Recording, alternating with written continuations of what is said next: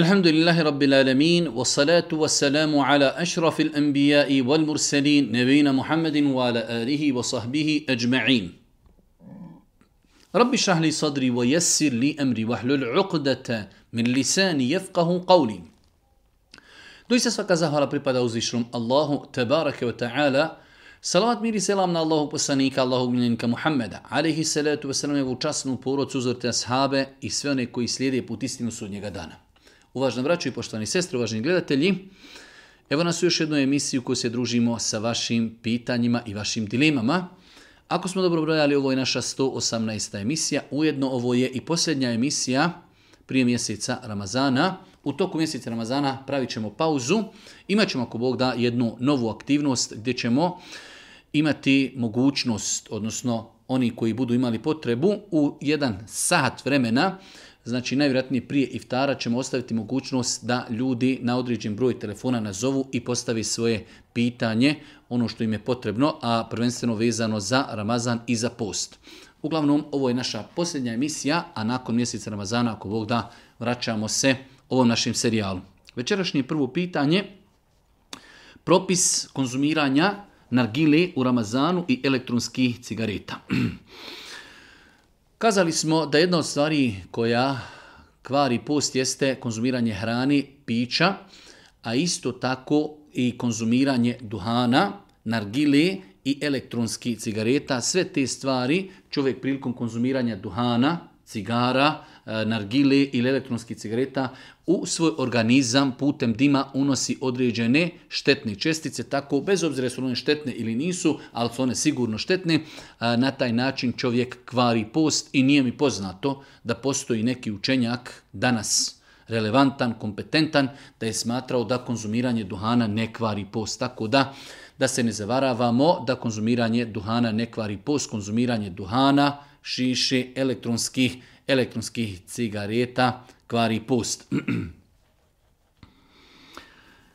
da li osoba koja se vrati s puta, bila je musafir, putnik, treba i ostatak dana da posti? Znači imamo situaciju, čovjek je bio musafir, bio je u Istanbulu, sletio je u Sarajevo s avionom koji je sletio u jedan sat, da li on ostatak dana, došao je kući u dva sata, a iftar je u šest. Da li on ostatak dana mora postiti? Tačno je mišljen da ne mora. Jednostavno, E, on je taj dan načeo, znači on je imao validan šerijetski razlog da ne posti.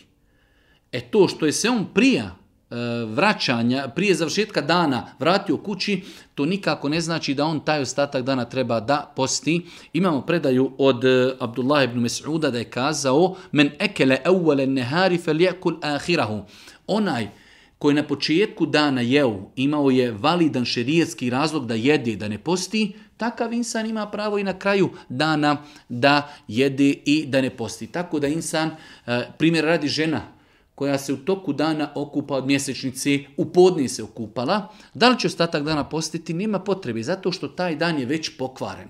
Pokvarila ga je sa nečim što je šerijetski validno. Iz validnog šerijetskog razloga ona nije postila, tako da znači osoba koja iz validnog razloga ne posti. I taj razlog u toku dana prestane, ostatak dana nije, nema potrebe da posti. Da li je ustajanje na sehur obaveza? i šta je minimalno što treba uraditi da bi smatrali da smo ustali na sehur. Mnogo je hadisa u kojima Allah poslanik alaihi salatu selam postiče svoj umet da ustanu na sehur, zato vjernik treba, vjernik i vjernica se maksimalno potrude da ustanu na sehur, e, pa makar to bila čaša vodi, kao što je došlo u vjerodostojnim predajem, pa makar to bila čaša vodi, a samo ustanje na sehur nije obaveza ustajanje na sehur je pohvalno i lijepo. E, pohvalno i lijepo aspekta da je Boži poslanik preporučio ustajanje, nazvao je e, sehur beričetom. To je vrijeme kada se uzvišnji Allah spušta na dunjaličko nebo, vrijeme kada možemo doviti, zikriti, klanjati na filu i tako dalje. Tako da je lijepo i pohvalno čovjek ustani, ali nije obaveza. Što znači, pogotovo u nekim situacijama, nekome ustaje na sehur je problem, ima radnu obavezu i tako dalje. Tako da ako neko i ne bi ustajao na sehur, a naveće je zanijetio da će postiti, njegov post je validan, ispravan, pohvalno i lijepo ustati na sehur, minimalno da čovjek ustane i da se napije vodi. Čime je najljepši od sunneta iftariti i da li je pokvaren post osobi koja se iftari sa duhanom? Čime se iftariti? Imamo vjerodostojne hadise koji potvrđuju da je lijepo iftariti se sa svježim datulama koji se zovu rutab. I taj rutab se, hvala Allahu Đelšanu, danas i u našoj Bosni i diljem svijeta može nabaviti. To su one svjež, svježi datule, vlažne datule koje još nisu osušile. Ako nema takvih znači, datula, onda se iftariti sa suhim datulama.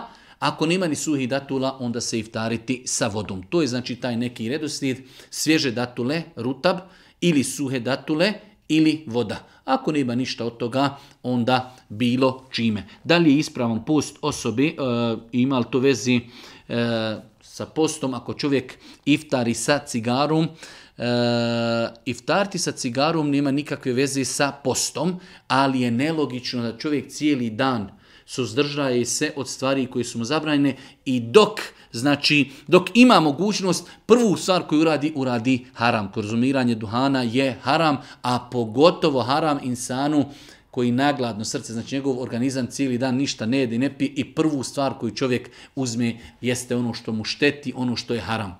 Ali znanje je znanje, propis je propis, to nema nikakve veze sa njegovim postom, njegov post je validan. kupanje od džunupluka ili kupanje od hajza nakon nastupanja zori. Znači imamo situacije kada čovjek e, ima intimni kontakt sa suprugom i ustani na sehur, nastupio je saba, može li se okupati tek nakon nastupanja saba? i tekako da može. Čak imamo vjerodostojne hadise da je Boži poslanik tako znao, tako znao raditi, znači imao bi potrebu da se kupa, ali bi se okupao nakon što bi nastupio saba. Tako isto je i za žene. Ako je žena vidjela, vidjela znake čistoći od hajza i nifasa, primjer radi, ako se može jesti do četiri. Ona u tri sata na vidjela da se e, znači, očistila, ne mora se odmah okupati, može potruditi se oko hura, može znači, hajde da kažemo jednostavno iskoristiti to svoje vrijeme, kada nastupi 4 sata ne može više jesti, primjer radi govorimo o četiri, nakon toga se može okupati i klanjati saba. Znači kupati se od džunupluka ili hajza i nifasa nije uvjet za validnost posta. Mi možemo zapostiti, okupati se i ako Bog da na vrijeme stići klanjati saba. Teravija namaz za osobu koja nije stigla, stigla klanjati teraviju u džematu. Znači, može li čovjek sam kod kuće klanjati teraviju? Da. Znači insan ako iz određenih razloga nije stigao da klanja teraviju kod, e, u džematu, kada dođe kući, kada ima mogućnost, klanjat će prvu jaciju, nakon toga klanjat će potvrđeni sunnete i nakon toga koliko hoće i koliko može, koliko zna, dva rekiata pa preda selam, dva rekiata pa preda selam, dva rekiata pa preda selam, pa koliko može, nakon toga će klanjati vitre ili će vitre odgoditi za period sehura. U svakom slučaju insan sam može klanjati teraviju, može klanjati sa članovima svoje porodice, znači ako nije stigao klanjati u džamiji, nakon jacije, nakon potvrđenih sunnjeta, čovjek može sam kući klanjati teraviju. Jedno interesantno pitanje, ako bi se desilo da je čovjek bio musafir, i vratio je se kući i kazali smo kad se vrati kući, on nema potrebu da ostatak dana posti. Žena je bila u hajzu i u toku dana se okupala. Rećemo da je čovjek došao u, u 12, a žena je u 12 se okupala od hajza. Da li oni u tom danu smiju imati intimni kontakt? Tačno je da smiju. Znači čovjek je bio musafir i došao je kući.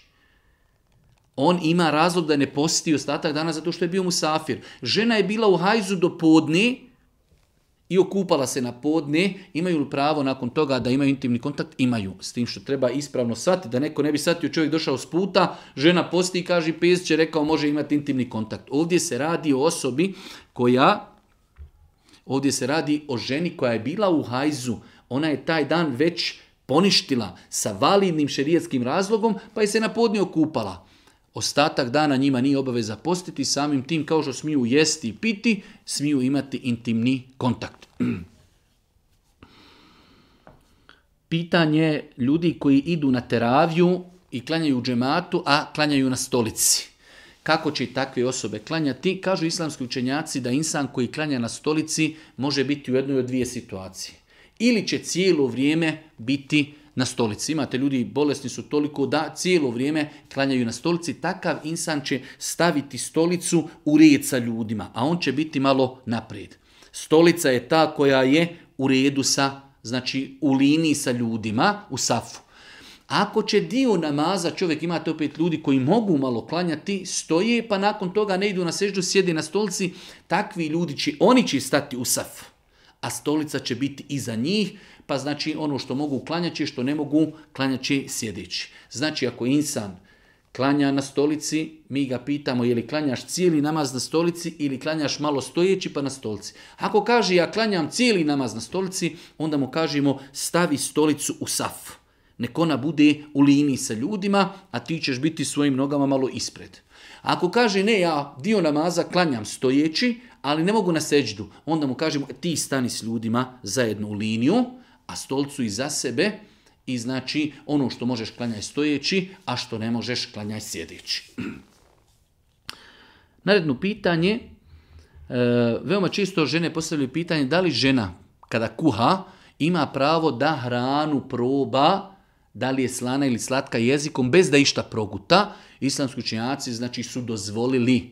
Nažalost imamo nekada ljude kada ovo čuju jednostavno naježe se u toku dana je bitno da čovjek ništa ne proguta. Čulo okusa je na jeziku. Čovjek može okusiti nešto ili slano ili slatko, ne, a ne mora ništa progutati. Tako da znači velike institucije, veliki učenjaci, velika ulema dozvolila je ženi da kuša samo jezikom, ne da proguta. Drugo je progutati, drugo je jezikom kušati. Ako žena jezikom može osjetiti je li nešto slano ili slatko, ima pravo, ali to mora ispljunuti, ne smije ništa progutati. Jedna od institucija koja je dala odgovor po tom pitanju jeste poznata e, stalna komisija za izdavanje fetvi u Saudijskoj Arabiji. Trag povraćanja na post. E, povraćanje se dijeli u dvije kategorije. Imamo namjerno povraćanje i nenamjerno. Namjerno je svako povraćanje koje čovjek izazove. Ne mora značiti da čovjek samo ako stavi prst u usta da je to namjerno povraćanje. Imate ljudi koji mogu stisnuti stomak pa povratiti. Gledanje ciljanu nešto što izaziva povraćanje, opet smo mi to uzročnik. Pa kada god mi uzrokujemo povraćanje, to je pokvaren post. Kada god nas povraćanje nadvlada, nismo mi željeli, bolesni smo, vozili smo se i tako dalje, znači ako nas je povraćanje nadvladalo, nismo mi uzročnici, samo povratiti, oprati usta i nastaviti postiti, posti ako Bog da validan. Znači, ako je u pitanju povraćanje, gledamo je li uzrokovano od nas ili smo nadvladani.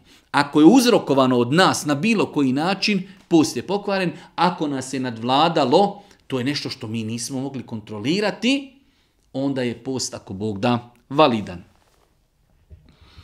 Propis posta za vozače kamiona i vozače autobusa koji voze među e, državne relacije.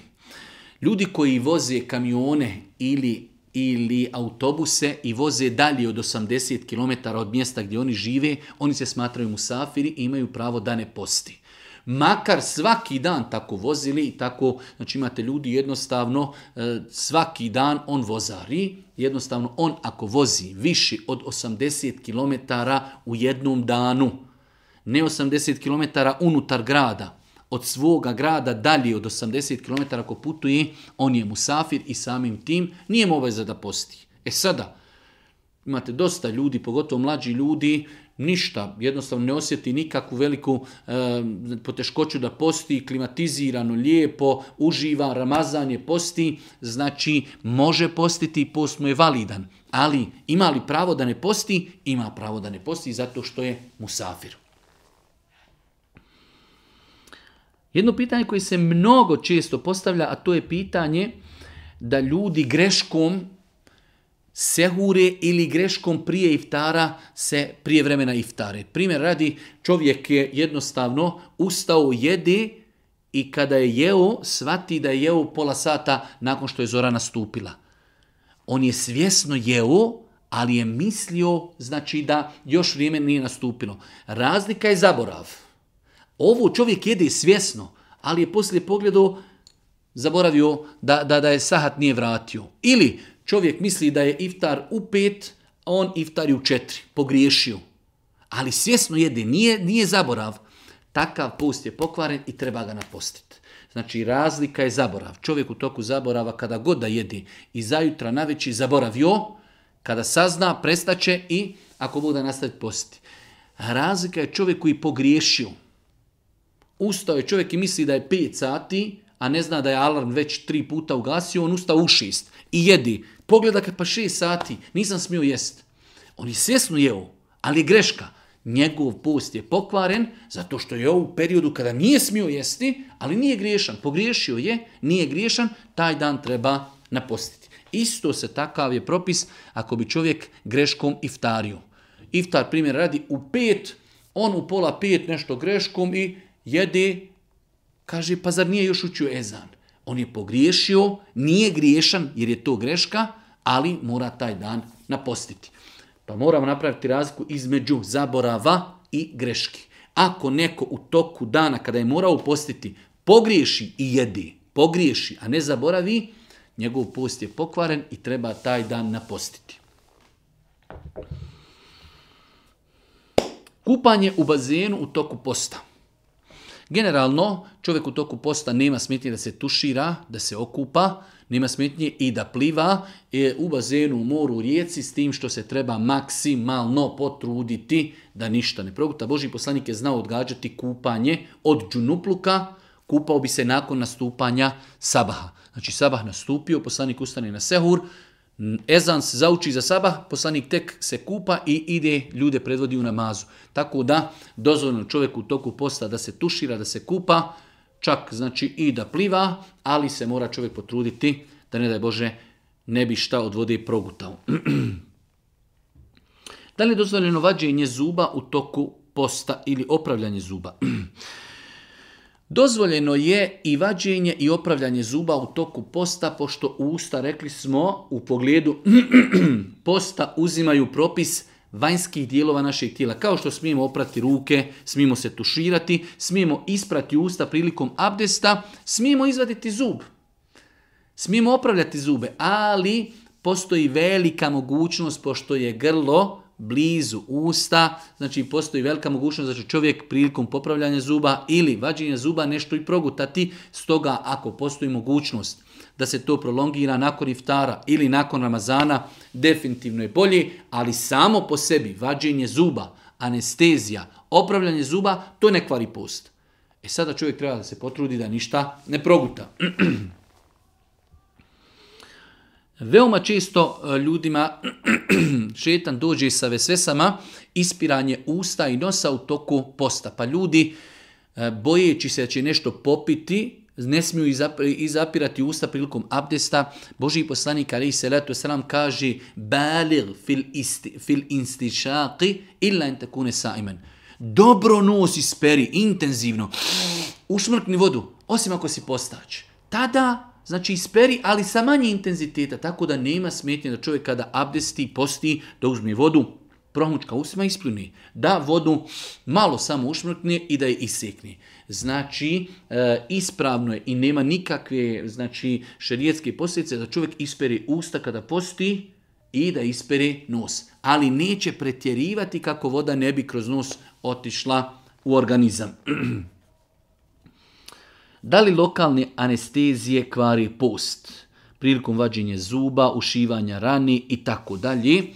Lokalne anestezije potpadaju pod injekcije koje nisu hranljive i samim tim čovjek nije izgubio svijest, nisu hranljive, ne, nadomještavaju čovjeku hranu, nema smjetnje u toku posta da čovjek dobije znači anesteziju za zub ili ako ima ranu, hoće da ga ušivaju, da dobije lokalnu anesteziju, nema smetnji i njegov post je ako Bog da validan, pošto smo rekli da je to injekcija koja nije hranljiva, nije hranljiva, tako da nema smetnji da čovjek dobije lokalnu anesteziju prilikom, posta. Spavanje u toku posta. Da li je dozvoljeno postaću da u toku posta spava? E, Post i spavanje su dvije odvojene e, stvari, jedna uz drugu nisu vezane s tim što čovjek koji posti i hoće da spava treba pasti na namaska vremena, ali e, imate ljudi koji rade noćnu smjenu, u toku dana mora zaspati, tako da nema nikakve smetnje da postaću toku dana spava, treba samo da pazi na namaska vremena, da ne bi prespavao namaz, ali da čovjek posti i da spava, to nema nikakve šerijetske smetnje. Post žena koje imaju vanredno krvarinje, Znači imate žene koje imaju vandredno krvarinje, može biti plod primjera radi određenih hiruških zahvata kao što je kiretaža primjera radi, žena imala kretažu, nešto slično i zbog toga ima krvarenje. To je vanredno krvarenje kod žene, nije hajz. Nažalost, velik broj naših majki, sestara, čeri, e, bilo koje krvarenje, kad ne smijem postiti, ne smijem klanjati, tako dalje. Ne, žena ne smije klanjati i postiti ako krv koja ističe je hajz. Ali ako je to vanredno krvarenje, a osjeti se to po boji krvi, ako žena zna da je imala određeni hiruški zahvat i ako zna da krv nije hajza, vidi da je crvena krv, znači ono baš e, rijetko crvena krv, zna da to nije hajz, u takvoj situaciji žena, znači ne govorimo je li bolesna ili nije, ali šerijatski ona potpada pod kategoriju čistih žena i mora klanjati i mora postiti. Znači upozorenje našim majkama i sestrama nije svaka krv koja ističe, kod žene iz spolnog organa krv hajza. Žena treba da zna kakva je boja i miris krvi hajza, a imaju vanredna krvarenja. Pogotovo ako se žena znači izlagala određenim hiruškim zahvatima i zna da krv koja ističe je e, krv koja nije hajz, u takvom slučaju žena znači smatra se čista može, mora klanjati i može postiti. Da li će postiti i ne, da li je bolesna, to je nešto drugo. Šta učiniti sa danom kojim žena dobije mjesečnicu? Nekada žene jednostavno tuguju, e, žao im je dana u kojem ne mogu postiti zato što, što su dobile mjesečnicu. Žena kada bi pola sata prije zalaska sunca dobila mjesečnicu, taj dan je pokvaren ali nije griješna. To je nešto što ona ne može kontrolirati. To je Allahovo davanje, Allah je stvorio ženu da svaki mjesec dobiva mjesečnicu. I ona ne može kontrolisati kada će mjesečnicu dobiti i kada ne. Tako da e, u bilo kojem vremenskom periodu, u toku dana kada žena posti, ako dobije mjesečnicu, taj dan se smatra pokvarenim, na će ga nakon namazana i nije griješna. I nije, i nije griješna. opet pitanje e, djevojčica koje u ranijim periodima dobiju hajz. Djevojčice u 13, 14, 15 godina dobiju mjesečnicu. Da li one nakon toga postaju punoljetne? Da. Jedan od načina kako se spoznaje punoljetstvo u islamu kad su u pitanju žene jeste i dobivanje mjesečnici. Na našem podneblju, znači podneblje se razlikuju u nekim podnebljima gdje je toplo, žene dobivaju u tom periodu, u podnebljima gdje je hladno, žene, žene dobivaju eh, u određenim vremenskim periodima mjesečnicu. Na našem podneblju eh, normalno je da žena može dobiti mjesečnicu i u 12. godini, i u 13. godini, i u 14. godini, i u 15. godini. Od momenta kada žena počinje dobivati mjesečnicu, ona se smatra u islamu tada punoljetna. E sada, može se desiti da je djevojčica mlada dobila e, mjesečnicu i ne može još izdržati postiti. Ona neće postiti zbog bolesti, ne može izdržati, ali će te dane napostiti kada naraste, kada ojača. Ali je generalno pravilo, ovo pogotovo moraju paziti roditelji jer djeca ne znaju, ne znaju te se, pogotovo majke. Majka zna da li njeno dijete, djevojčica je dobila mjesečnicu ili ne. Ako njena djevojčica već mjesec, dva, tri dobiva mjesečnicu, to znači da je u islamu punoljetan, to znači da se na nju odnosi naredba posta, naredba namaza, naredba hijjaba. I samim tim post je obaveza, e sada može se desiti da dijete još fizički nije jako, da ne može možda ni izdržati postiti, ali treba da zna da se to desilo u punoljetstvu, da zapiše broj dana i ako Bog da kada stasa, kada ojača, da te dane naposti. Da li je nevjernik onaj ko ne posti izljenosti? Ostavljanje posta je jedan od najvećih grijeha u islamu. Čak Imam Ezehebi kaže među vjernicima je opšte poznato da onaj koji ne posti Ramazan, a nema razloga zato, gori je od onoga koji čini blud i pije alkohol. Pogledajte koliko se mi zgrožavamo kada vidimo da neko pije alkohol, koliko se zgrožavamo kada vidimo da neko čini blud. Ostaviti post, temelj islama, je gore od bluda i gore od alkohola. A nažalost, u našim čaršijama muslimanskim, gdje, je većina stanovništva muslimani, možete vidjeti u toku dana e, slastičarne kafiće, nargile, gdje sjedi omladina bez imalo stida i ustručavanja javno, javno pokazuju da ne posti pa je e, znači mrsiti ili ne postiti od strane osobe koja je šerijetski, znači punoljetna i mora postiti jedan od najvećih grijeha, jedan od najvećih grijeha u islamu, a drugi je grijeh da insan javno drugima pokazuje da ne posti. Post djece koja nisu punoljetna. Djeca koja nisu punoljetna, njima nije obaveza da poste, bila muška ili ženska, ali ako poste, bit će i nagrađeni. Svakako da djecu već od nekog perioda, kao što se djeca od 7 do 10 godina navikavaju na namaz, isto tako u periodu već od 10 godina djecu treba navikavati, znači pa nek poste jedan dan, jedan dan ne poste, nek poste jedan dan pa dva dana pauziraju, nek poste jedan dan pa tri dana pauziraju, ali Jednostavno, kao što se dijete navikava na namaz, djevojčica se navikava na hijab još dok je dijete prije punoljetstva, isto tako lijepo je i djecu navikavati, pogotovo kada se Ramazan potrefi u zimskom periodu, kada nisu dugi dani, djecu lagano e, znači da ustanu na sehu, da se najedu i ako Bog da u toku dana zaigraju se, malo odspavaju i ako Bog da mi koji imamo djecu znamo da to e, nije problematično i čak šta više e, dosta puta je obrnuto gdje djeca insistiraju da postija roditelji jednostavno žao im je djeci da toliko kontinuirano posti pa im kažu pa ne moraš svaki dan i tako dalje, ali generalno djeca E, ako nisu punoljetna, nije im obaveza da posti, ako posti imat će i nagradu. I treba djecu privikavati lagano i badetima, i namazu, i hijabu kad su pitanje djevojce i svakako i postu. Kako će se iftariti osoba koja je u avionu?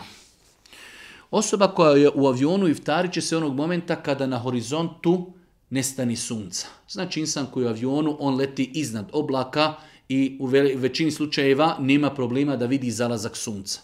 Kada bude siguran da je sunce zašlo, samo bude rumen, rumenilo, crvenilo na, na, znači na, na zapadu, onog momenta kada vidi da je sunce sigurno zašlo, on će se iftariti ne gledajući ni na kakve vaktije. Njegova vaktija u tom momentu njegov pogled. On kad bude siguran sunce je zašlo, ostaje samo znači rumenilo na zapadu, njemu je vrijeme da se iftari bez obzira gdje je zapostio, bez obzira gdje će sletiti, bez obzira na, na znači, e, vaktiju e, zemlji gdje iznad leti, on, na njega se odnosi propis viđenja sunca, onog momenta kada bude siguran da je sunce zašlo za horizont, on će se, ako Bog da, iftariti. Veoma često pitanje koje se postavlja u Ramazanu jeste klanjanje noćnog namaza nakon vitr namaza. Znači velik broj ljudi u džami klanjaju vitr, pošto Boži poslanik ali sam preporučio da se klanja sve sa imamom pa i vitr.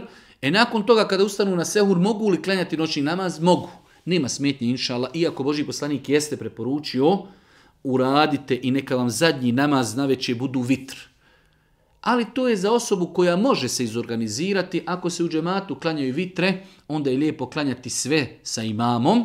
Jer Boži poslani kaže u vjerodostojnom hadisu, ko klanja sa imamom sve dok imam ne završi, kao da je klanjao cijelu noć. Tako da je lijepo teraviju klanjati potpuno sa imamom i vitre, a nakon toga čovjek kada ustane na sehur, ako bude želio klanjati, klanjaće će dva po dva. Dva po dva, znači pošto je već vitre klanjao.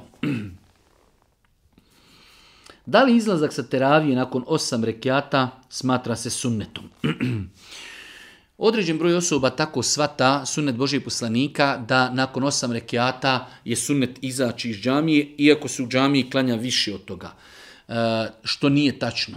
Velik broj islamskih učenjaka je kazao da je sunnet ostati klanjati sa imamom bez obzira koliko imam klanja. Ako imam klanja osam, klanjat ćemo sa njim osam. Ako imam klanja 12, ostaćemo do 12. Ako imam klanja 20, ćemo sa njim 20 i tako dalje. Sunnet je ostati do kraja. Sunnet je ostati do kraja. Svakako, generalno gledajući teravija, teravih namaz je dobrovoljni namaz, ne treba da nam smeta da neko izađe nakon dva rekiata, neko nakon osam, neko nakon 16, neko nakon 20. Moramo jedni druge tolerisati. Svakako, ne smiju oni koji izlazi iz džamije uznemiravati svojim postupcima, pričom i razgovorom ljude koji ibadeti. Oko toga ne razgovaramo. Ne smije da nam smeta što neko izlazi nakon drugog, neko nakon osmog, neko nakon dvanaestog, neko ne klanja nikako, neko ostaje do kraja.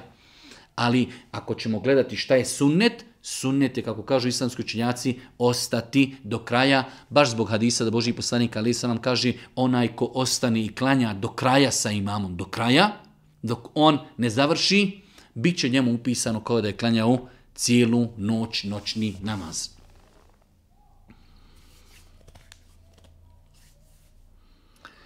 E, veoma često se postavljaju pitanja u mjesecu Ramazanu uplaćivanje hatmi za Megita u Ramazanu, učenje Kur'ana za Megita e, za pare je neispravno haram. Insan u mjesecu Ramazanu, svakako svi mi intenziviramo učenje Kur'ana, treba da ako već želi na ime svog Megita može dati sadaku, e, ali isto tako može i nešto od Kur'ana što prouči on lično, personalno, Podići ruke gospodaru i zamoliti gospodar ono što sam proučio od Kur'ana, sevap tome, sevap toga, poklanjam svome ocu, svojoj majci, svome djedu i tako dalje. Proučiti tri puta kulhu valla, jednom proučenom kulhu valla je trećina Kur'ana. Proučimo tri puta kulhu valla i nagradu toga poklonimo svome Megitu. Davati pare za učenje Kur'ana, od toga nema niko koristi, osim onaj koji je uzeo pare. Ali, znači, Megitu od toga ne dolazi ništa zabranjeno je naplaćivati učenje Kur'ana. Darivanje krvi i davanje krvi za nalaze utječe li na ispravnost posta. Imamo dvije vrste darivanja krvi. Imamo male količine, kada čovjek daje e, znači, male doze krvi za nalaze i za ispitivanje, to ne kvari post.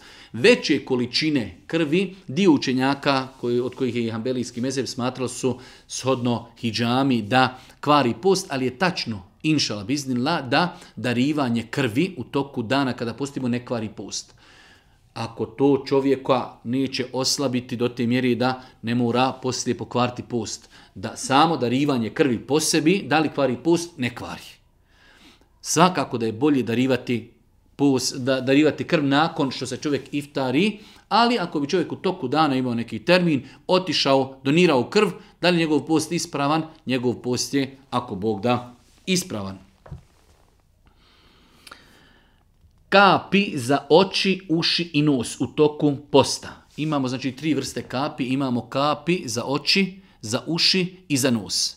Kad su u pitanju kapi za uši i za oči, tu ako Bog da nemamo nikakvih problema, pošto to nisu prirodni otvori koji vode u našu utrobu, u stomak. Korištenje kapi za uši i za oči ne smeta. Ostaju kapi za nos, za njih je poseban propis, kažu islamski učenjaci, ako se stavlja malo, kap ili dvije samo na početak nosa, znači to ako Bog da i ako ništa od toga neće dospjeti do grla, to ne kvari post, ali ako će čovjek nakapati 20-30 kapi e, i osjetiti e, znači e, ukus kapi u svome grlu i, i progutati nešto od toga, onda to kvari post. Znači kapi za oči i za uši ne kvari post, kapi za nos ako se nanose u manjim količinama, toliko da se to odmah rastvori, tu u nosu i neće doći do grla, to ne kvari post. Ako će se nakapati dosta kapi do te mjeri da će to doći do grla, doći do čovjekovog organizma, onda to kvari post. Korištenje krema u toku posta. Bilo kakvo korištenje krema, šminke ili nečega slično što se stavlja na vanjštinu čovjekovog tijela ne kvari post. Dosta puta ljudi postavljaju pitanja, e, kreme, ne znam, nije različiti neki e, preparati, pa čak na kraj krajeva i šminka, sve što se stavlja na vaštinu tijela, nema nikakve veze sa validnošću posta, tako da, znači, e, ako ima potreba da čovjek namaži određenu ranu ili kožu ili bilo šta drugo, u toku posta njegov post je inšala validan. Dijaliza bubriga.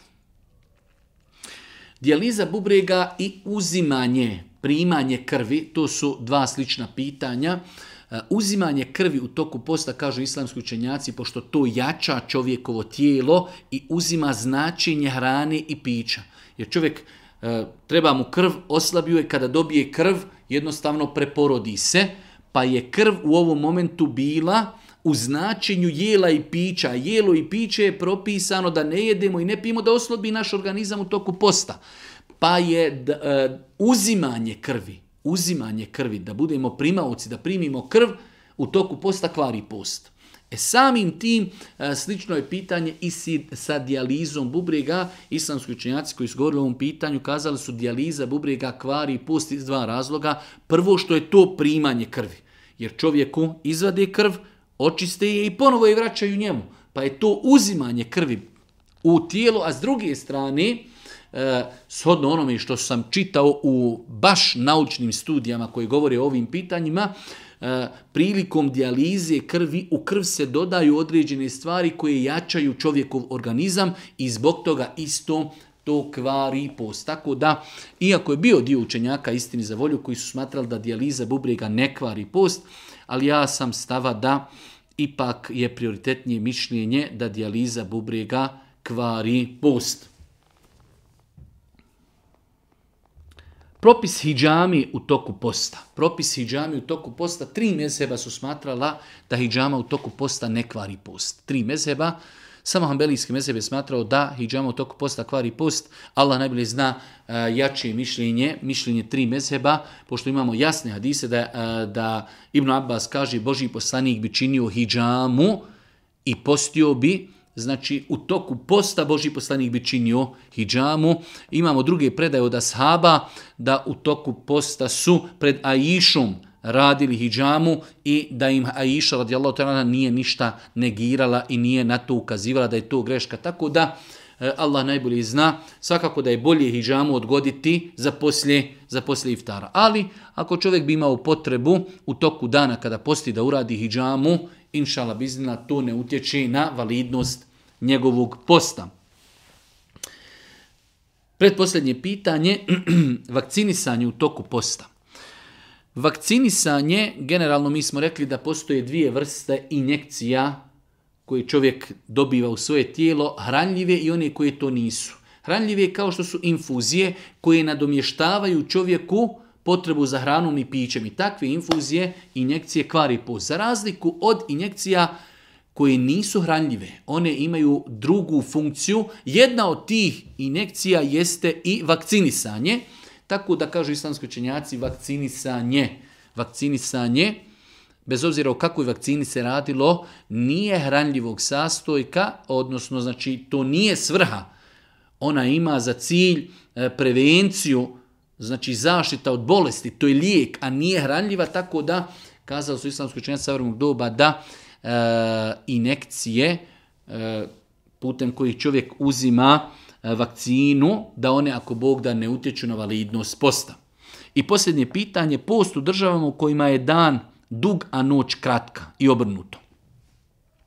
Imamo dosta tog sad našeg naroda eh, koji živi po raznim dijeloma svijeta, znamo svi da imamo određene dijelove E, znači pogotovo kada je u pitanju Skandinavija, gdje imamo period, e, gdje imamo države gdje je dan znači traje i po 20 sati, a noć traje 4 sata i nekada i manje od toga. Šta rati u takvim situacijama? Kažu islamski učenjaci, e, u tom pogledu čovjek može biti u jednoj od dvije situacije da postoji zalazak sunca i izlazak sunca, što znači ima nešto što se zove dan, ima nešto što se zove noć. Bez obzira koliko traju dan i koliko trajala noć, oni uzimaju propis. Pa može se desiti da dan bude kratak, a noć bude duga, pa će čovjek kratko postiti. Ali i obrnuto. Ako imamo noć koja traje 4 sata, ali imamo jasan zalazak sunca i imamo jasan izlazak sunca i možda se mora postiti 20 sati, obaveza je postiti ako imamo izlazak i zalazak sunca. Ako u državi gdje čovjek živi dan traje tri mjeseca, šest mjeseci i noć traje tri mjeseca ili šest mjeseci, u takvim slučajevima oni će se povoditi po najbližoj državi koja ima izlazak i zalazak sunca i to su odgovori najvećih islamskih kolegija savremenog doba, islamskih pravnih kolegija, Nekada ljudi u takvim situacijama u državama gdje dan ili noć traju po 3-4 mjeseca, neko se povodi za svojom državom odakle je došao što nema nikakve logike, neko se povodi za Mekom i Medinom što opet nema nikakve logike. Najispravnije mišljenje da se čovjek povodi prema najbližoj državi u kojoj ima zalazak i izlazak sunca, od njih će uzeti vaktiju i radit će po njihovoj vaktiji. Ovo govorimo o državama gdje dan traje tri mjeseca ili šest mjeseci ili noć i tako dalje. Za razliku od zemalja gdje imamo zalazak i izlazak sunca, makar noć trajala tri sata, četiri sata, dva sata, u takvim slučajima posti se od izlaska sunca do zalaska sunca. Allah subhanahu wa ta'ala molimo da nas učesti na putu istini, da nam podari korisno znanje, da nam olakša post u mjesecu Ramazanu. Subhaneke Allahumma bi bihamdike, ešhedu in la ilan sakfiruke, wa etubu ilik.